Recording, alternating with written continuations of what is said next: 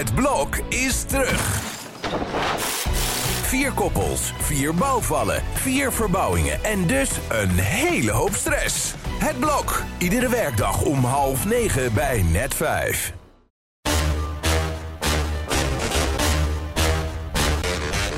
Dit is Trick Privé. De dagelijkse showbiz-update met Evert Zandgoeds en Jordi Versteegde. Het zou zomaar eens kunnen dat je deze podcast aanzet omdat je even behoefte hebt aan wat luchtigheid tussen Ja, maar dat gaat niet in deze barre tijden. Nee, dat gaat niet. Nou ja, en, en VI, vandaag een site, kijk je natuurlijk normaal ook wel een beetje om gewoon even wat achterover te hangen. Maar gisteren zat iedereen er bovenop, hè, toen Maar Johan Derksen Ja, het, het, het versplijt de hele wereld. Het Ja. is werkelijk vreselijk. En bij Johan speelt natuurlijk ook nog mee. Als je elke dag zo'n programma moet maken. Dat je net als schijp elke dag harder gaat lachen om jezelf. Ja. Dat Johan zichzelf ook moet overtreffen in, in uitspraken. En heftige uitspraken. Waarvan hij weet dat hij het hele land over zich heen krijgt. En denkt van ja, laat maar komen. Want ja, ik moet scoren en ik moet ook mijn zegje doen. Ja. Maar ja, ik kan me toch niet voorstellen dat hij na 9-11 ook gezegd heeft. eh, nou, die Amerikanen die hebben dat ook wel een beetje over zichzelf afgeroepen. Dat Ja. zeg je toch niet, volgens mij. Als je die beelden gezien hebt, dan, dan moet je daar toch eerst van bij komen. Voordat je tot dit soort eh, harde uitspraken kan komen, vind ik. Ik ben het helemaal met je eens. Ik denk de rest van het land ook die gekeken heeft. Tegelijkertijd maken we de mening van Johan Derksen niet te groot. Denken we niet allemaal van ja, Jij kan ook denken, dat is een seniele man. Maar dat is Ja. een reactie die op X eh, er- eronder aan, aanleest. Ik denk, ja, het is gewoon... eh, het is, het is zo'n splijtzwam. Ja. En eh, dat, is, dat is gewoon niet goed. nee. Ook niet voor hun programma niet hoor.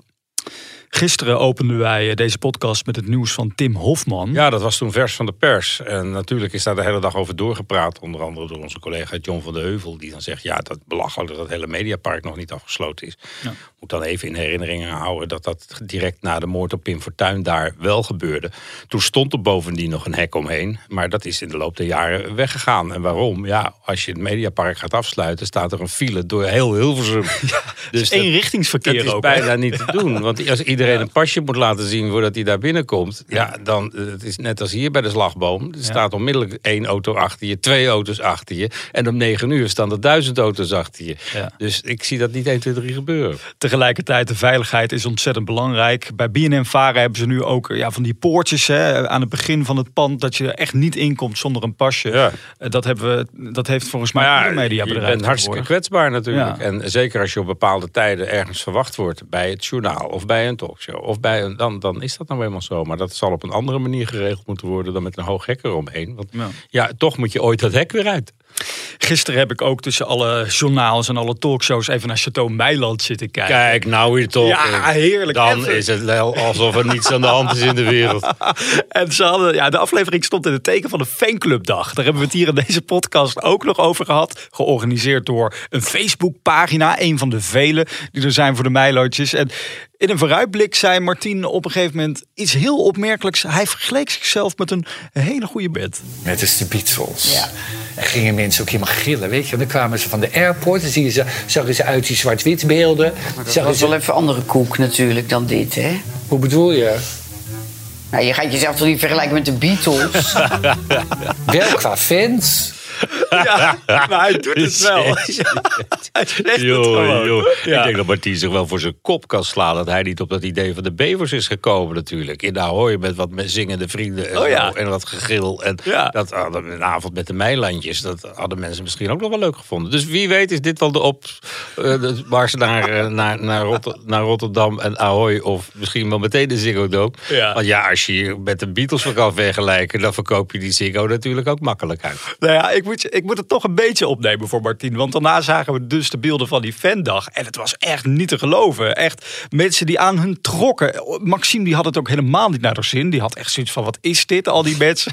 maar ja, het is wel mooi voor, voor hen. Hè. Ze hebben de laatste tijd ook wel eens kritiek gekregen... dat het allemaal te eentonig zou zijn. Ja, maar ja, dit seizoen geen last van. Anderhalf miljoen kijkers trekken ze minimaal. Dit is echt, eh, dat had toch niemand verwacht drie jaar geleden. Nee, en Maxime had ook niet verwacht dat ze van al het geld dat ze erbij verdient... een, een prachtige villa kon kopen.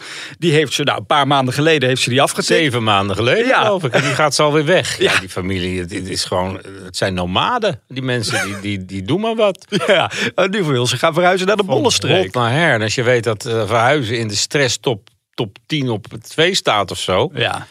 Dan eh, kunnen ze tegen een stootje dus. Ja, Ja. en wat ik zeg, Ze zijn eraan verslaafd. Dus, Nou, dat zou je inderdaad wel kunnen zeggen. Maar wat gaan ze doen dan? Want het gerucht gaat dat ze toch weer als één familie bij elkaar willen gaan wonen. Is dat wat ze gaan doen? Nou, het huis van Martien en Erika staat nog niet te kopen. Dat ziet niet gebeuren in dat huis waar zij wonen. Want daar mag je niet eens in het tuinhuis wonen. Dus ik, er zal ongetwijfeld weer een groter huis komen op de een of andere manier. Ja, nou, Maxime eh, gooit haar huis in de verkoop. En André Hazes gooit zijn kaartjes in de uitverkoop. Ja, er moet wel wat gebeuren natuurlijk om dat Ahoy nog een beetje gevuld te krijgen. Anders ziet het er net zo uit als tijdens het interview met Ronald Molendijk eh, in Ahoy eh, vorige week. En Dat was een hele lege tribune.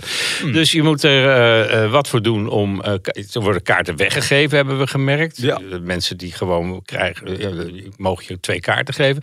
Maar er zijn er ook via verschillende uitverkoopsites...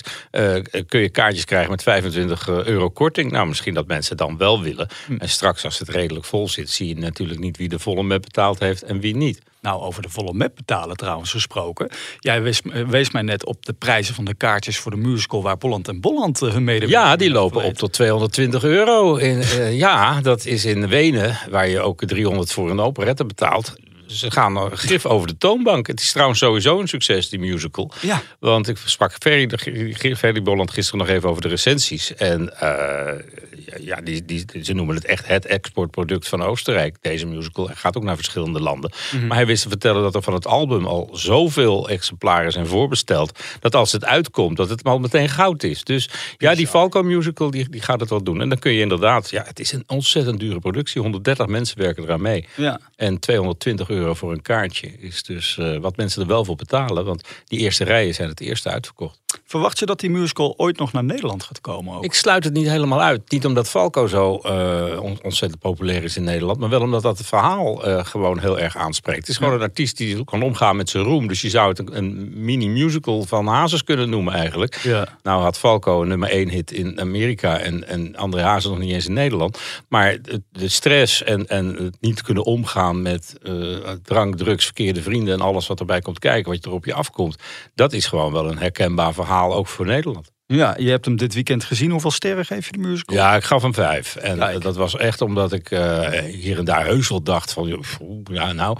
Maar eh, ik, ik vond het een spektakel van een show. Alles wordt uit de kast gehaald. Dat ik echt na de break, even naar de, naar de reclame... Hoe heet dat? Na de pauze. Naar de pauze. even dacht van, jongens, dus rustig aan. Het ging maar door. En Ja. dan weer, mo- ja, dat Rock Me Amadeus, dat is een fantastisch nummer. Dat hadden ze van mij wel drie keer achter elkaar mogen doen. Deze man doet het in Wenen ook ontzettend goed.